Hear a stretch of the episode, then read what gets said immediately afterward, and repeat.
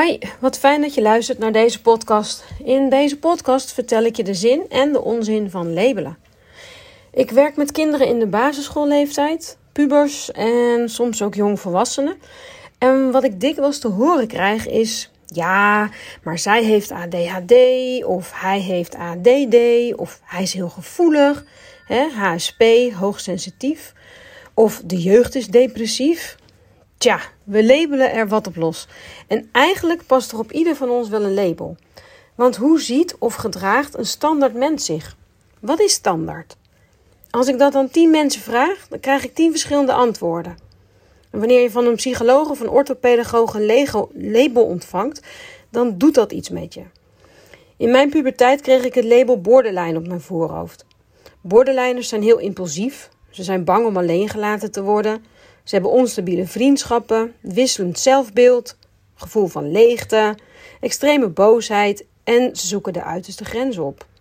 En toen ik dat hoorde, was ik compleet van slag. En zag ik mezelf als een soort uh, ja, Jack Nicholson in die film, hoe heet hij ook alweer? Oh ja, One Flew over de koekoesnest.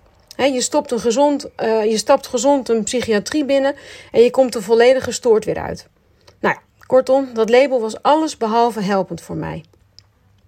En als het plakken van labels alleen maar bedoeld is om mensen te categoriseren, dan dient het label tot niets. In ieder geval niet tot iets waar je wat mee kan. Het werkt verlammend en het zal zich eerder meer van manifesteren dan minder. Wat echter ook heel erg eh, toe doet, is of de naam die je op je label staat, of die echt vanuit jezelf komt, of dat het wordt aangewakkerd en versterkt wordt door een bepaalde situatie waarin je je begeeft. Mijn borderline sticker kwam voort uit een zware periode in mijn leven die ik op dat moment doormaakte. Net als een stickertje ADHD, die kwam ook voort uit een bepaalde periode. Nou, inmiddels heb ik die stickers van mijn voorhoofd verwijderd en er zit nu een ander stickertje op die prima bij mij past.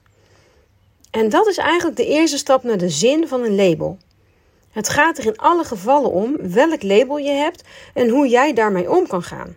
Je bent namelijk niet dat label. Het label is een onderdeel van jou, van jouw persoonlijkheid. Als je daarmee om weet te gaan, dan heb je een gewonnen situatie. bijvoorbeeld een, een AD'er die heeft baat bij ehm, structuur, bij een vast ritme, bij overzicht. Bijvoorbeeld alles in één laadje.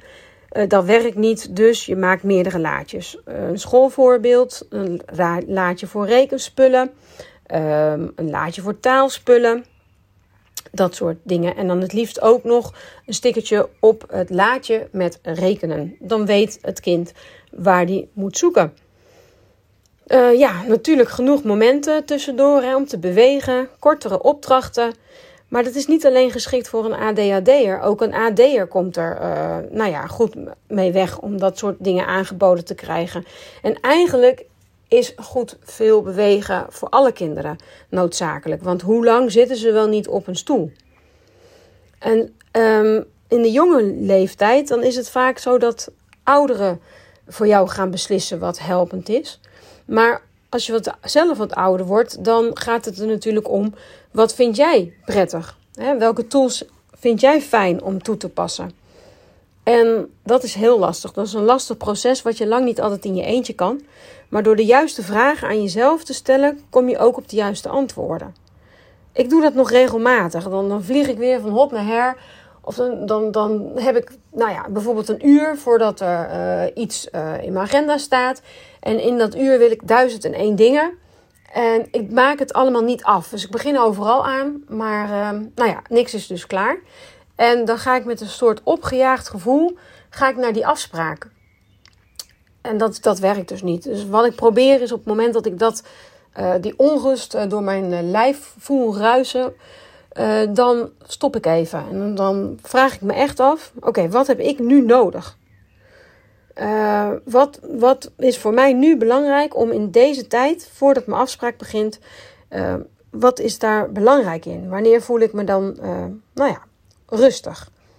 En dan kies ik de dingen die ik eigenlijk echt wil doen. En dat, dat kan natuurlijk van alles zijn. Maar om daarbij stil te staan en de tools uh, te gebruiken die ik mezelf heb aangeleerd, uh, leer ik omgaan met dat chaotische in mij. Um, het kan ook voor begrip uit je omgeving zorgen. Mensen uh, die mij goed kennen, die weten dat ik de neiging heb om 48 uur in 24 uur te proppen. En daarmee mezelf dus voorbij te rennen. En ja, af en toe ga ik dus behoorlijk op mijn, uh, nou ja, vul maar in.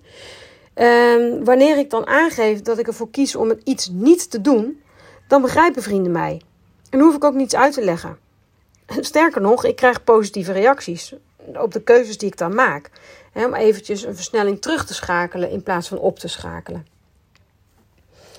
Ik ben me daar echt niet altijd van bewust hoor, wat ik net al zei. Ik, maak daarin echt nog genoeg uh, fouten of, of, foute keuzes. Waarvan ik denk, ja, heb ik het weer gedaan. Hè? Ik begon met een lege bladzijde in mijn agenda. En voordat die dag zich uh, aandient, staat die alweer helemaal vol. En ja, nou ja, dat zijn gewoon dingen waar ik dan weer van leer. Het moet ook niet te streng zijn. Je moet zeker niet te streng zijn voor jezelf. Um, maar als je daar maar actief mee omgaat, hè, dat je je daarvan bewust uh, bent, dan ben je eigenlijk daar al heel goed mee bezig. Um, ga ook daarover in gesprek met anderen. Uh, het is fijn om uh, nou ja, een luisterend oor te hebben of, of feedback te krijgen. Um, want daar leer je weer van. Het is natuurlijk aan jou wat je daarvan meeneemt. Want mensen kunnen van alles zeggen. Het moet altijd wel bij je passen. Maar het is wel fijn dat als jij in een bepaalde tunnelvisie zit, want dat gebeurt vaak als je heel druk in je hoofd bent, dan kun je niet meer zo creatief denken. Dat een ander dan uh, roept van, hé hey joh, maar als je, heb je ook hier aan gedacht? Of als we het nou zus of zo? Dat je denkt, ah ja, waarom heb ik dat zelf niet kunnen bedenken? Nou ja, dat komt omdat je te veel in je hoofd hebt. En wat ik al zei, er zijn altijd momenten van terugval, maar je zult steeds sneller herstellen, omdat je inmiddels weet wat helpend is voor jou. En er kunnen altijd nieuwe tools bij komen. Ik ben me er echt wel van bewust tijdens dit gesprek. Uh, dat het lang niet altijd mogelijk is en zeker niet gemakkelijk is om invloed uit te oefenen op je eigen label. He, dat stukje van je persoonlijkheid dat jouw valkuil kan zijn. Denk aan uh, traumatische ervaringen. Dat is niet zomaar ja, opgelost of niet zomaar weg. Maar wat ik wel mee wil geven is dat je er um, voor waakt dat je compleet het slachtoffer wordt van jouw label. Dus pak alle hulp aan die mogelijk is. Ga in gesprek met mensen die je vertrouwt. En dit geldt voor iedereen: voor ADHD'ers, HSP'ers, HSS'ers, mensen met angststoornissen, eetstoornissen, noem maar op. Ga aan de slag met dat deel van jezelf. Uh, maak een begin, want je kan alleen maar stoppen als je begonnen bent. Succes!